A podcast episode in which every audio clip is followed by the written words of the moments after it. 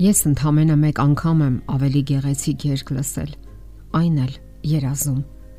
Բայց այդ երազը ես շատ վաղուց եմ տեսել։ Այն ժամանակ ես երեխա էի։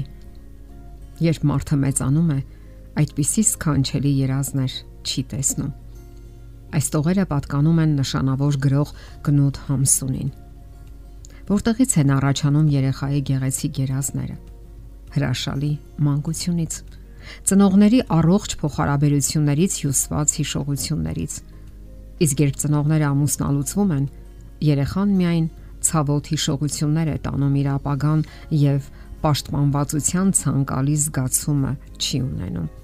Հենց միայն այսքանն արդեն բավական է, որ յուրաքանչյուր անznավորություն երկար մտածի նախքան ընտրություն կատարելը,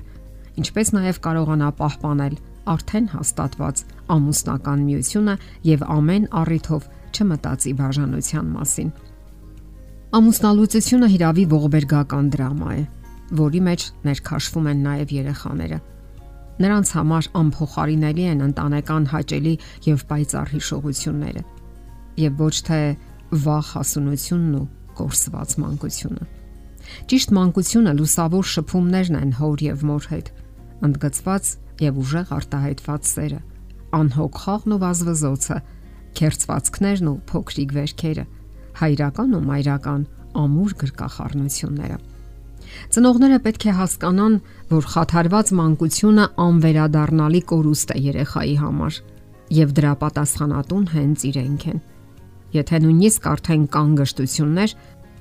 եթե նույնիսկ արդեն կան գշտություններ, ապա ամեն կերպ պետք է խնայել երեխային եւ նրան դաշնակից չդարձնել մյուս ծնողի դեմ ճակատամարտում։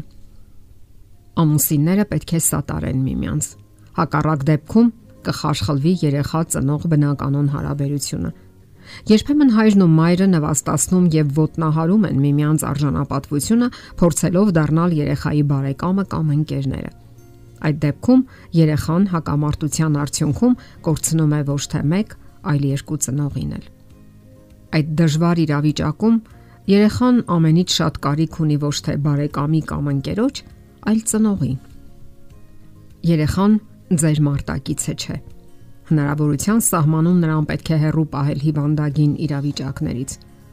Ուսումնասիրությունները ցույց են տվել, որ ծնողների ամուսնալուծության կամ նրանց parberabar վեճերի արդյունքում երեխաների մոտ նկատվել են նաև քրոնիկ եւ վառ արտահայտված վշտի ու դեպրեսիայի նոպաներ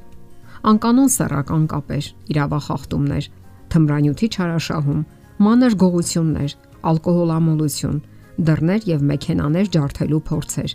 ցածր առաջադիմություն, ընդգծված վախ, բարկություն, անտարբերություն կամ անհանգստություն, կարեկցանքի եւ ըմբռնողության սուր չթուլացող պահանջ։ Ամուսնալուծությունը բավականաչափ ծանր փորձություն լինելով մեծահասակների համար առավել կործանարար եւ երկարատև ազդեցություն ունի երեխաների փխրուն հուզաշխարի վրա։ Հոգատար ծնողները ամեն ինչ կանեն ընտանիքը պահպանելու երեխաներին խնայելու համար։ Իսկ եթե դա անխուսափելի է, չնայած բոլոր ակտիվ ջանքերին, պարզապես աշխատեք նվազագույնի հասցնել երեխային հասցվող հարվածները։ Հատկապես դա պետք չի անել երեխայի կյանքի առաջին 5 տարիների ընթացքում։ Ցավոք փաստն այն է, որ բոլոր ծնողները չէ որ բավականաչափ գիտակցություն ունեն ամուսնական ղեկը ճիշտ վարելու համար։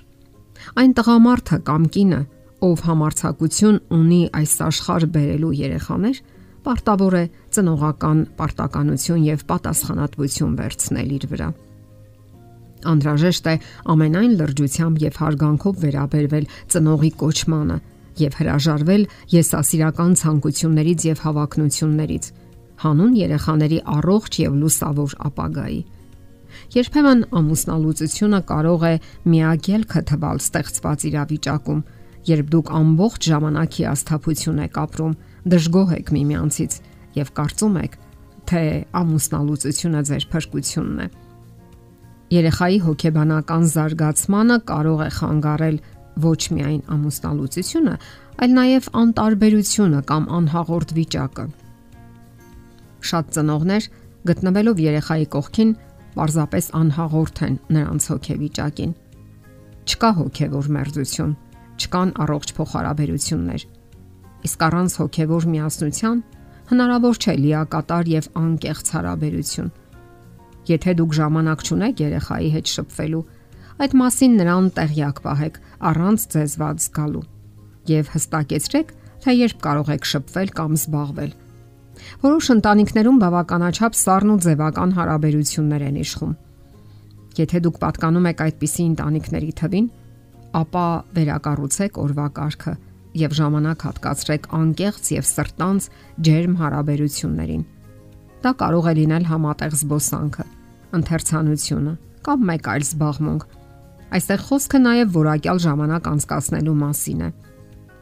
Հենց այնպես ժամանակ սպանելու փոխարեն մտածեք, թե ինչպես կարող եք հագեցնել եւ որևէ օգտակար զբաղմունք գտնել։